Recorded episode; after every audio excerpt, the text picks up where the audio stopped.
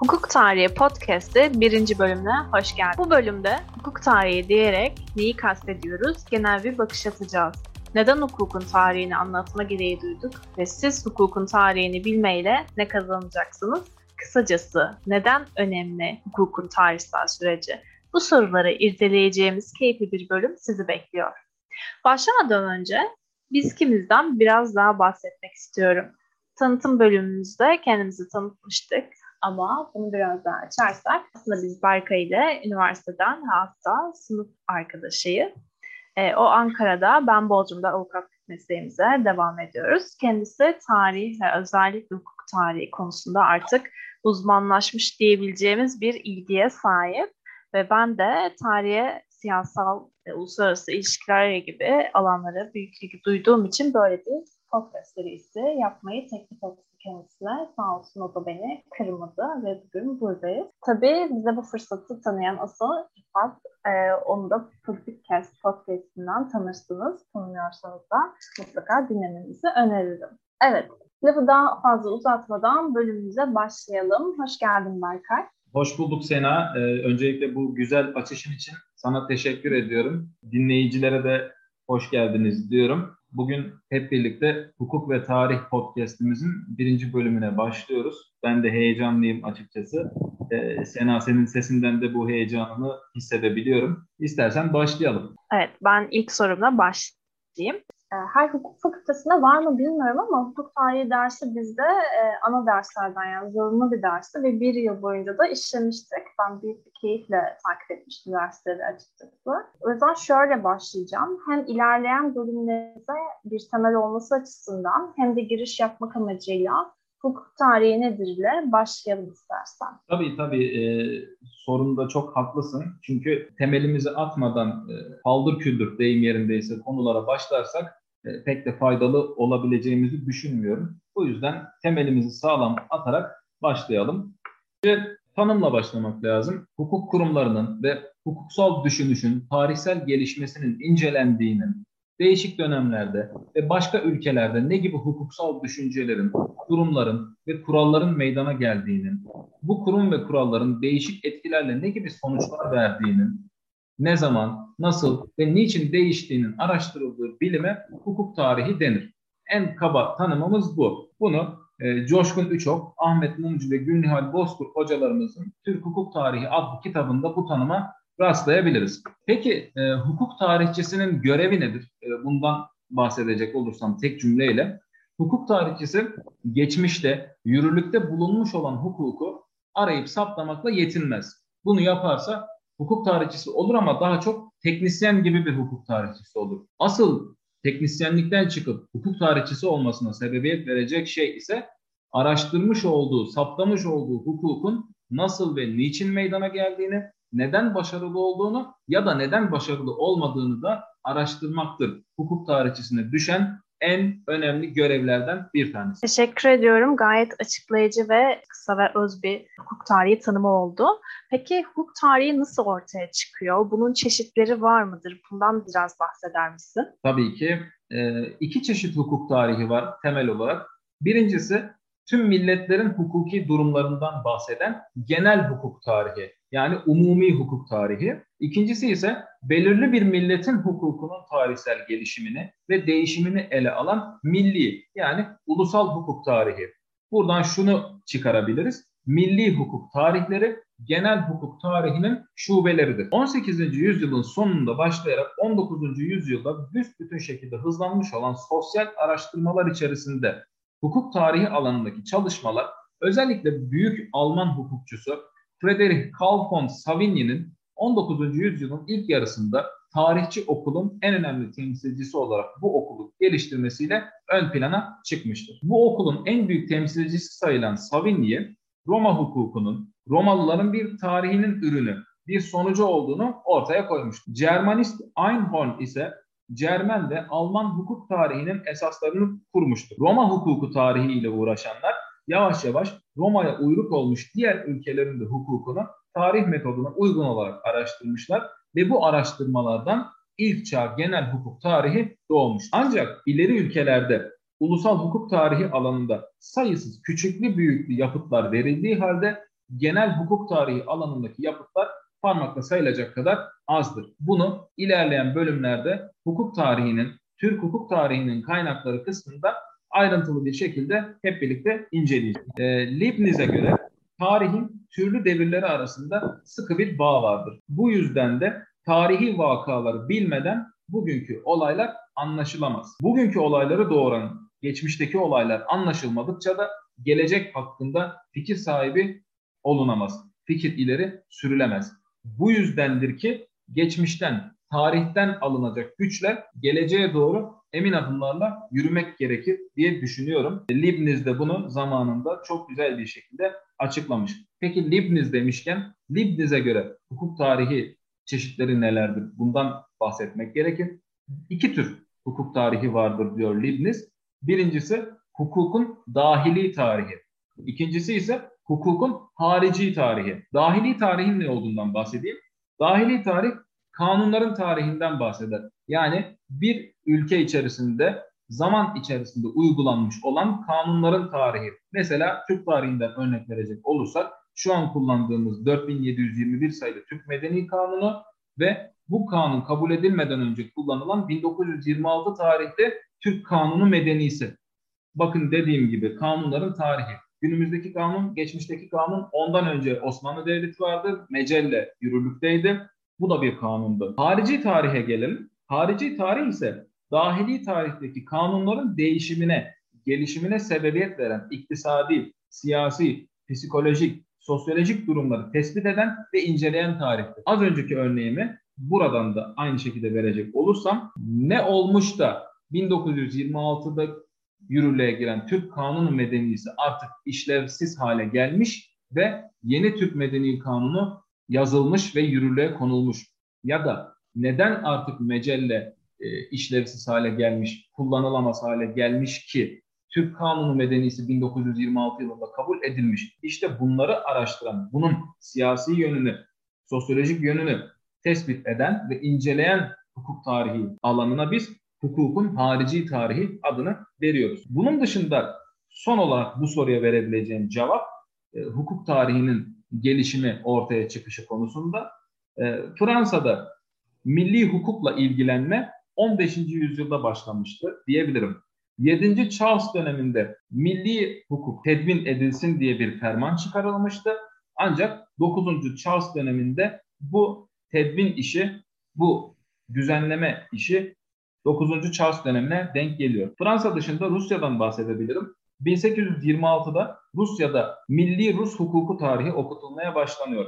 Bu tarihten itibaren Ruslar da milli hukuklarının tarihine dair pek çok eser vermişlerdir. Peki bizdeki veçesi nedir? Bunu söylemem gerekir. Son olarak 1925'te kurulan Ankara Üniversitesi Hukuk Fakültesi o zamanki adıyla Ankara Hukuk Mektebi'nde Milli Hukuk Tarihi dersi Sadri Maksudi Arsal tarafından verilmeye başlanmıştı. 1933 yılında ise İstanbul Darül Fünun'u ıslah edilerek İstanbul Üniversitesi Hukuk Fakültesi olarak tekrar faaliyete geçtiğinde Türk Hukuku Tarihi adlı bir kürsü şimdiki adıyla ana bilim dalı da tesis edilmiştir, kurulmuştur ve bu saydığım tarihlerden itibaren çok sayıda hukuk tarihi ile uğraşan öğrenci yetiştirilmiş. Daha sonrasında da pek çok eser verilerek Türk hukuk tarihinin gelişmesine faydası olmuştur diyebilirim. Bu kapsamlı açıklaman için de teşekkür ediyorum. Anlıyoruz ki aslında yeni şey çıkmış bir hukukun e, bir alt dalı yani yeni bir, bir bilim. E, hukukun ortaya çıkışına baktığımız zaman 19. E, 18. yüzyıl sonları 19. yüzyıl başlarında e, çıktığını görüyoruz hukuk tarihinin bilim olarak. Peki günümüzde buna gerçekten gereken önem veriliyor mu? Ne dersin? Buna verebileceğim tek kelimeyle yanıt hayır. İki kelimeyle verebileceğim yanıt kesinlikle hayır. Ama ben bunu biraz da açmayı tercih ediyorum. Tabii e, öncelikle şöyle bir düşüncenin her hukuk fakültesi öğrencisine aşılanması gerekiyor. Bakın sosyal bilimler bir bütündür. Birini incelemek için illaki diğerlerine bakmam gerek. Eğitimde, öğretimde kolaylık olsun diye pedagojik formasyon açısından biz tarihi parçalara ayırdık zamanında. Ve bu parçalar birbirinden hiç de kopuk değil, birbiriyle bağlantılı, birbirinden ayrılamaz bütünlerdir bunlar. Ancak günümüz hukuk fakültesi öğrencisi bunu birbirinden ayrı bölümler olarak zannediyor. Ya da Roma hukukunun temelindeki birçok ilkenin 2021'de günümüzde halen kullanıldığını hukuk fakültesi öğrencisi bilmiyor ya da anlamak istemiyor. Ya da başka bir örnek, tarihsel çizgide değişerek günümüze gelen kuralların ilk nüveleri tarihtedir. Bu yüzden köklerini tarihte bulan hukukun tarihinin bilinmeden günümüzde hukukçu olunamayacağını bizim hukuk fakültesi öğrencilerine öğretmemiz gerek. Yoksa sadece günümüzdeki hukukla uğraşacaklarsa hukuk fakültesi öğrencileri bu teknisyenlikten öteye geçmeyecek. Tersten baktığımız zaman günümüzde hukuk fakültesi yöneticilerinde de büyük hatalar var. Başta mesela senin söylediğin, açılışta söylediğin kısım hukuk tarihi dersi bizde ana dersti. Seçmeli ders evet. değildi dedim.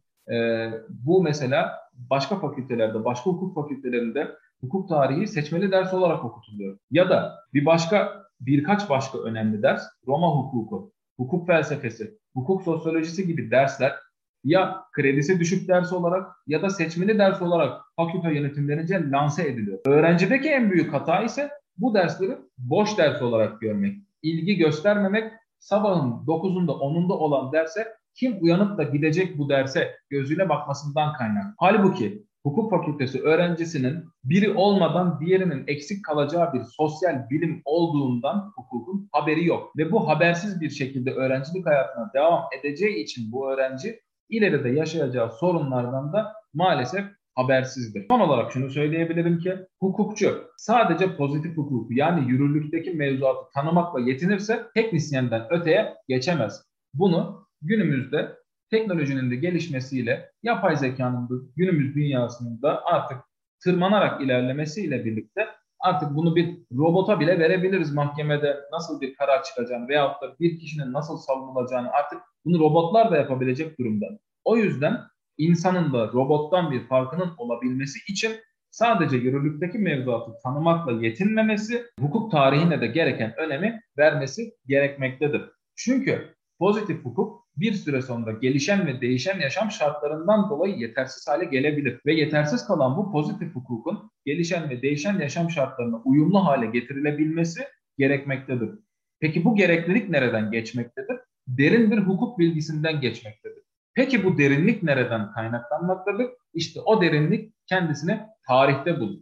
Tarihini bilmeyen bir hukukçunun, hukuk tarihini de bilmeyen bir hukukçunun hukukçuluk yapabilme ihtimali maalesef çok düşüktür diyebilirim. Çok güzel bir noktaya değindin. Ben de onu söyleyecektim. Hani hep derler işte tarih bilmek önemli, tarihini bilmeden geleceğine yön veremezsin diye.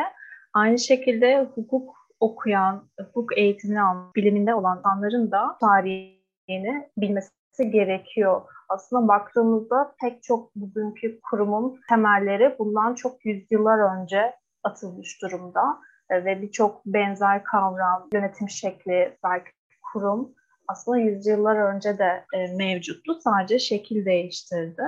E, dolayısıyla hani bugünü yorumlamak açısından hukuk tarihini bilmek gerekiyor bence de. O zaman e, hukuk tarihi diyoruz. Genel bir başlık bu ama hani hangi hukukun hangi tarihi diye sorsam sana. Evet çok e, güzel bir soru. Hangi hukukun hangi tarihi sorusu. Buna şöyle bir yanıt verebilirim. Hukukta, tarihte insanın var olduğu günden beri, ilk günden beri varlığını sürdüren iki kadim bilimdir. Neden bilimdir diyorum ya da neden kadimdir diyorum. Bunu hemen açıklıyorum. Habil'in Kabil'i öldürdüğü gün ceza hukuku başladı. Ceza hukuku artık uygulanmaya başladı. Hukuk dünya hayatında var olmaya başladı. Zaten Habil'in Kabil'i öldürmesi olayı da tarihi bir olay olduğu için demek oluyor ki bu bir yanda hukuk tarafı, bir yanda tarihi tarafı olan bu olayın hukuk tarihini de ilgilendireceği apaçık. Çünkü hukuk başlı başına bir okyanustur. Tarih başlı başına bir okyanustur. Ve bu iki koca okyanusu ortak ilgilendiren konular yepyeni bir okyanus olan hukuk tarihi okyanusunu oluşturmak durumundadır. En başta söylediğimiz okyanusta boğmadan dinleyicileri sonuca ulaştıracağız dediğim okyanus işte bu okyanustu. Hukuk tarihi okyanusuydu. Bizim öncelikli yapmamız gereken bu 12 bölümlük serimizde ya da bu 12 bölümlük seri bittiği zaman hukuk tarihiyle ilgilenen insanların hayatlarına döndüğünde yapması gereken şeylerden sıra sıra bahsedeceğim ben. Ama öncelikle yapılmaması gereken bir şeyden bahsedeceğim. Bu okyanusa, hukuk tarihi okyanusuna bodoslama dalmamak tabiri caizse. Neden? Bu okyanusu önce yer bakımından sonra da zaman bakımından sınırlandırmamız gerekecek. Ben ilk sınırlandırma türümüz olan yer bakımından sınırlandırmayı Türk tarihi üzerinden bir örnekle açıklamak istiyorum ki konuştuklarımı mantıksal bir çerçevede oturtabileyim. Türkler tarih sahnesine ilk çıktıklarından beri dünyanın birçok yerinde devlet kurdular. Örneğin bugünkü Almanya ve Polonya topraklarında geçmişte Avrupa Hun devleti vardı. Bugünkü Moğolistan topraklarında geçmişte Köktürk devleti vardı. Bugünkü Özbekistan topraklarında geçmişte Karahanlı devleti vardı. Bu da demek oluyor ki araştırmacılar kendilerini önce yer bakımından sınırlandırmalılardır. Yoksa okyanusta boğulmamaları işten bile değildir.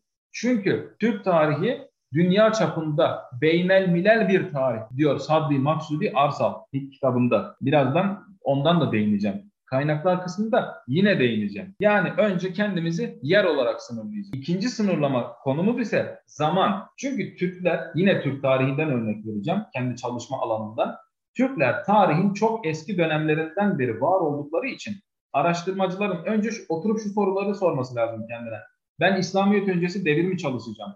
Ben İslami devir mi çalışacağım? Sadece Osmanlı devrini mi çalışacağım? Yoksa sadece Tanzimat dönemini mi çalışacağım? Ya da ben sadece Cumhuriyet dönemi çalışmak istiyorum mu? Bu sorunun yanıtını arayıp buna göre karar vermelidirler. Yoksa yine okyanusta boğulurlar. Mesela az önce de zikrettim ismini Sadri Maksudi Arsal, Türk Tarihi ve Hukuk isimli kitabında Cumhuriyet dönemi Türk hukukuna yer vermez. Neden vermez? Bu çok güzel bir cümleyle de bunu açıklar. Çünkü bu devir mazi değil, parlak bir haldir diyerek Türk hukuk tarihinde Cumhuriyet dönemi Türk hukukunun olmaması gerektiğini çünkü bu bir tarih değildir. Bu şu an yaşanmakta olan ve harika bir dönemdir diyerek konuya açıklık getirir. O yüzden hukuk tarihi çalışacak arkadaşlarımızın, meslektaşlarımızın ilk önce hangi hukukun hangi tarihi sorusuna yanıt vermeleri gerekmektedir. Peki anlıyoruz ki bu alanda çalışacak olanların önce bir metot belirlemeleri, önce daha doğrusu bir hangi hukuka, hukuk tarihine çalışacaklarını belirlemeleri gerekiyor. E, peki bu alana ilgi duyan ya da e, Türk hukuk tarihi çalışacak olan araştırmacıları bekleyen zorluklar neler? Evet, zorluklar çok. Her hukuk alanında olduğu gibi hukuk tarihi alanında da zorluklar var ama diğer hukuk alanlarına göre nispeten biraz daha fazla zorluklarımız var. Çünkü e, ha deyince bulunamayacak kaynaklarımız var ve bunlara erişim sıkıntılarımız var. Hele ki şu an dünyada baş gösteren bir Covid-19 pandemisi de devreye girdiği için e, ha deyince yurt dışına çıkıp e, ilgili kaynaklara ulaşma gibi bir durumumuz maalesef söz konusu olamıyor. Ama mevcut olan COVID-19 pandemisi dışındaki mevcut sorunlardan bahsedecek olursak, zorluklardan bahsedecek olursak, mesela yine ben devir devir ayırarak gideceğim. İslamiyet öncesi Türk hukuk tarihi çalışacaklar için kaynaklarımız nispeten daha sınırlı. Çünkü ilerleyen bölümlerde de ben kaynaklardan söz edeceğim ama konusu şimdi açıldığı için anlatmakta fayda görüyorum e, İslamiyet öncesi Türk hukuk tarihinin kaynaklarından milli olanlar vardır, milli olmayanlar vardır. Milli olanlara da verilebilecek en başlı başlıca örneğimiz atalarımızın yüzyıllar öncesinden taşa kazıdıklarından günümüze kalanlardır. Bunu günümüzde Türk Dili ve Edebiyatı fakültelerinde eski Türkçe bölümü olarak okutulan derslerde eğitim faaliyetine, öğretim faaliyetine devam eden akademisyen hocalarımız, büyüklerimiz bunları günümüz Latin alfabesiyle yazılmış olan Türkçe'ye çevirdiler. Türkiye Türkçesine çevirdiler. Ancak ben şunu düşünüyorum, şu kanaatteyim. Hukuk tarihi, Türk hukuk tarihi çalışacak olan kişinin bizzat da kendisinin o kaynakları okuyabilmesi gerektiği kanaatindeyim. Ben kendim öyle yaptım. 2019'da oturdum ben bu İslamiyet öncesi Türk tarihi çalışacağım için, İslamiyet öncesi Türk hukuk tarihi çalışacağım için oturdum bunun dilini öğrendim ve yine de çevrilmiş olan bu kaynakları bir de kendim bizzat taş üzerinden okuma şansına sahip oldum. Bunun dışında taşlar dışındaki kaynaklardan e, ziyade kağıda yazılan kaynaklarımız da mevcut. Bunlarda mesela Uygur devletinden kalanlar. İleride bunlara çokça değineceğiz. Çok zengin bir Uygur medeniyetinden günümüze hem kağıda yazılan eserler hem de taşa yazılan eserler kalmıştır. İlerleyen bölümlerde dediğim gibi bunlardan bahsedeceğim ve bunların hangilerinin hukuk tarihine faydalı, hangilerinin hukuk tarihine faydasız olduğundan da bahsedeceğim. Bunun dışında İslamiyet öncesinin milli olmayan kaynakları var. Bunlardan başlıcası en çekişmeli olduğumuz sınır komşumuz Çin, Çinliler. Çinlilerin yazdığı yıllıklarda Türkler hakkında ciltlerce bilgi vardır. Türk hukuku hakkında muazzam bilgiler vardır. Bunlarla şu an Yeditepe Üniversitesi'nin tarih bölümü başkanı Profesör Doktor Ahmet Taşal bizzat bunları Çin yıllıklarından okuyarak Türkçe'ye, günümüz Türkçesine çevirdi ve okuyucunun imkanına, okuyucunun huzuruna sundu. Bunlar Türk hukuk tarihi çalışmalarına başlayacak arkadaşlarımız için başlıca kaynaklar olmalıdır. Örneğin taşlara yazılmış olan kaynaklarımızdan, Türkçe'ye çevrilenlerden Malatya İnönü Üniversitesi'nden Profesör Doktor Erhan Aydın. Bunun dışında Osman Fikri Sertkaya, bunun dışında Ahmet Bican Ercilasun. Bunlar e, Türk Dili ve Edebiyatı profesörleridir. Tarihçilerden ise Ahmet Taşağıl, Türk İslamiyet öncesi Türk hukuk tarihi üzerine kaynakları Türkçe'ye çevirmiş olan hocalarımızdır. Bunun dışında dediğim gibi Çinliler, e, başa döneyim tekrar, Çinliler vardır. Yabancı kaynaklardan birinci sırada olan Çin yıllıkları. Bunun dışında da kısmen de olsa Arap ve Bizans kaynakları vardır. Çünkü birinci Köktürk Devleti Bizans İmparatorluğu'yla sıkı ilişkiler kurmuş, birbiriyle anlaşmalar imzalamış, birbirlerine elçi göndermişler ve bunlardan da günümüze kalan kaynaklar e, mevcuttur, mektuplar mevcuttur. O yüzden Bizans kaynakları da bizim için önemlidir. Tabii bu söylediğim birincil kaynaklar. Çinlilerin, Arapların ve Bizanslıların birincil kaynaklarıdır bu kaynaklar. Ancak ikincil kaynaklara da değinmek lazım. İkincil kaynaklar da zamanın Türkologları yani Alman ve Rus bilim adamları zamanında yaptığı araştırmaların sonuçlarını da eser olarak vermişlerdir. Türk tarihine ışık tutmuşlardır. Yine ileride bunları kaynaklar kısmında çokça değineceğim kimlerin olduğunu ve bu kalıntıların da hukuk tarihine olan faydasından bahsedeceğim. İslamiyet öncesini kendi alanım olduğu için uzun tuttum. Biraz ayrıcalık tanıdım. Diğerlerine geçiyorum. İslami devir Türk tarihi çalışacaklar ise nispeten bence daha şanslı. Çünkü günümüzde Türk hukuk tarihine Osmanlı hukuku, İslam hukuku ya da şeriat hukuku zanneden birçok kitle vardır. Bu Türk hukuk tarihi hocaları tarafından da zannedilen bir durumdur. Ne kadar acıdır bu durum. Çünkü kitaplara baktığınız zaman, Türk hukuk tarihi kitaplarına baktığınız zaman büyük bir çoğunluk Osmanlı hukukuna yer verir. İslamiyet öncesine tanzimata ve günümüz Cumhuriyet dönemine çok da yer verilmez. Türk hukuk tarihinin Osmanlı hukuku olduğu zannedilir ancak öyle de değildir. Bu da bir eleştiri olarak e, doktrinde yer almalı diye düşünüyorum. Hatta Osmanlı dönemi hakkında yazılan eserler yanında Osmanlı öncesi dönemin hukukunun esamesi bile okunmamaktadır. Yok kaynak bulamıyorsunuz. Çok az.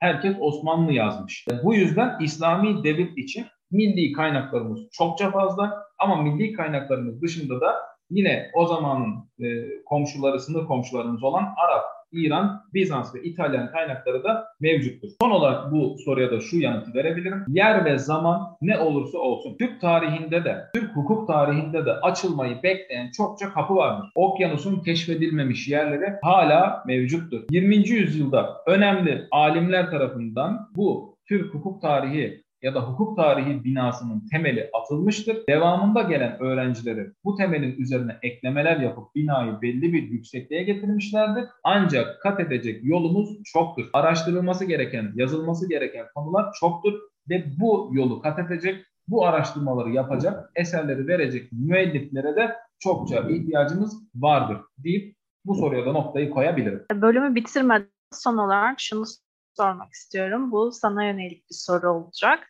Sen aslında bir ceza hukukçusun. Yani ceza hukuku alanında çalışan bir avukatsın. Ama ilgin hukuk tarihine, hangi hukuk tarihine ve neden seçtin aslında? Yani neden, e, nereden oldu bu tarihine ilgi? Ve son olarak da araş sen araştırmalarını yaparken ne gibi zorluklarla karşılaşıyorsun? Teşekkür ederim. Bir, biraz öznel bir soru. Evet. Yani benim yaşadığım sorunları e, birçok kişi yaşamıştır. Belki dinleyenler şu an e, anlatacaklarımı duyduktan sonra ya biz de yaşamıştık diyebilirler. E, ben sırayla gideyim önce. Ben Türk hukukunun e, İslamiyet öncesi devrini seçtim. Hani yer bakımından kendimi e, Türk hukukuyla sınırladım.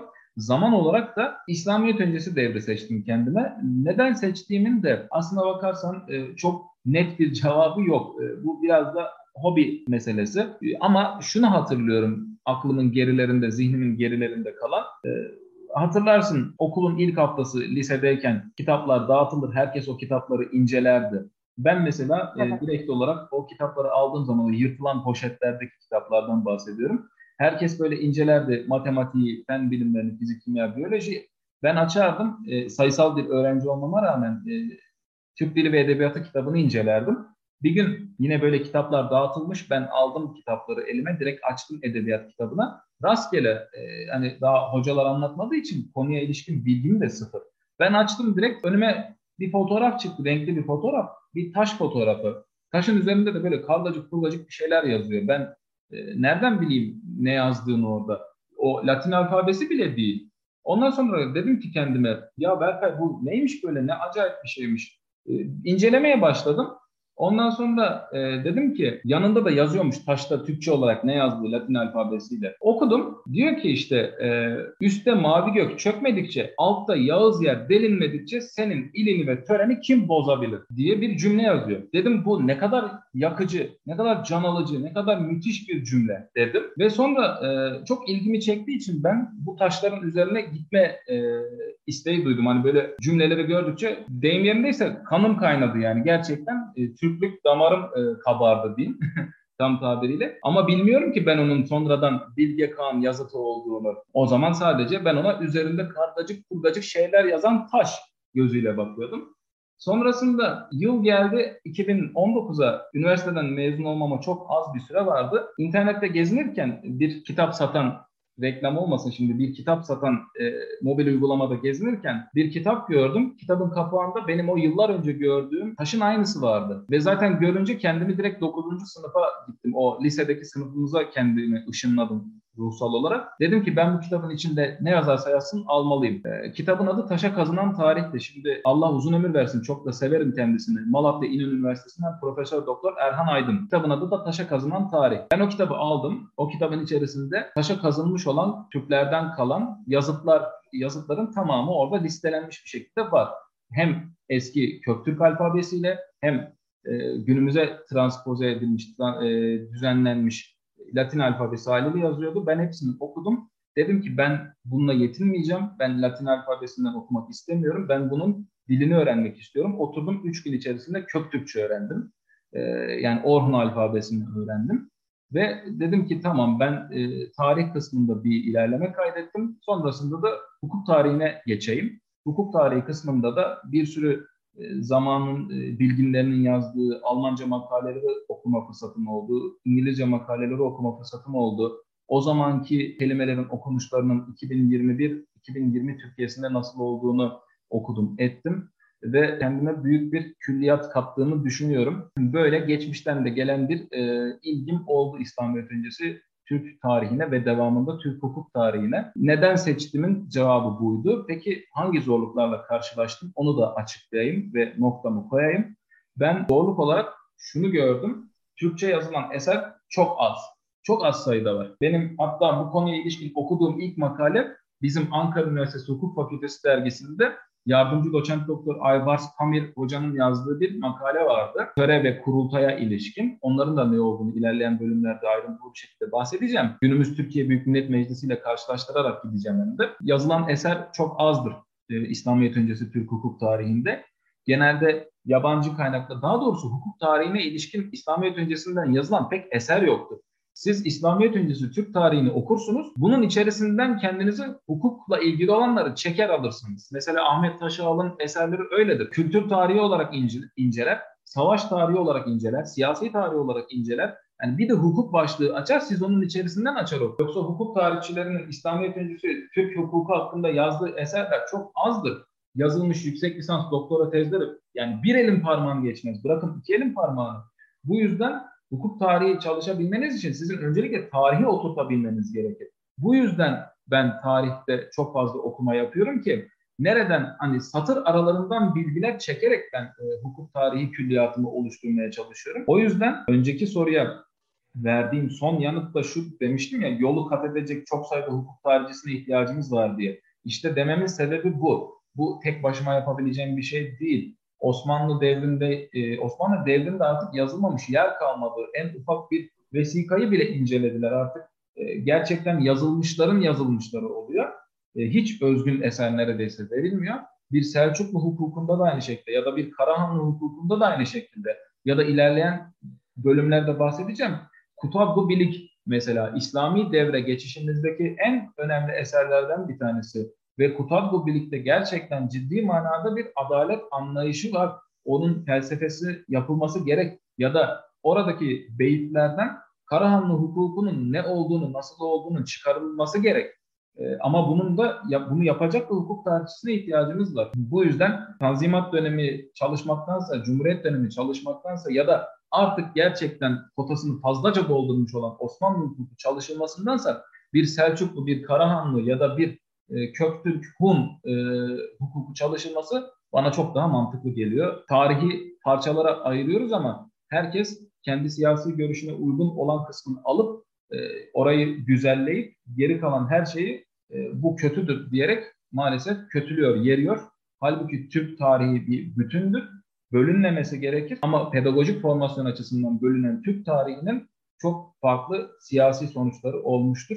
Bu yüzden e, hangi yani herhangi bir hükümet e, pardon herhangi bir devlet başkanının birbirine üstünlüğü yoktur. Ne Mustafa Kemal Atatürk'ün Bilge Kağan'a üstünlüğü vardır ne 2. Abdülhamit'in Fatih Sultan Mehmet'e yani 2. Mehmet'e üstünlüğü vardır. Hepsi Türk tarihinde başarılar kat etmiş hükümdarlardır, devlet yöneticileridir. Hepsinin de aynı değerde eşit derecede araştırılması, yazılması gerekmektedir diyorum ve sözlerime burada son veriyorum. Çok teşekkür ediyorum Berkay. Gayet açıklayıcı, aydınlatıcı oldu hukuk tarihine ilişkin cevapların ve sanıyorum ki iyi bir temel attı. Bir sonraki bölümde görüşmek üzere diyorum o zaman. Siz de bu tarihi sürece tanıklık etmek isterseniz bizi takipte kalın.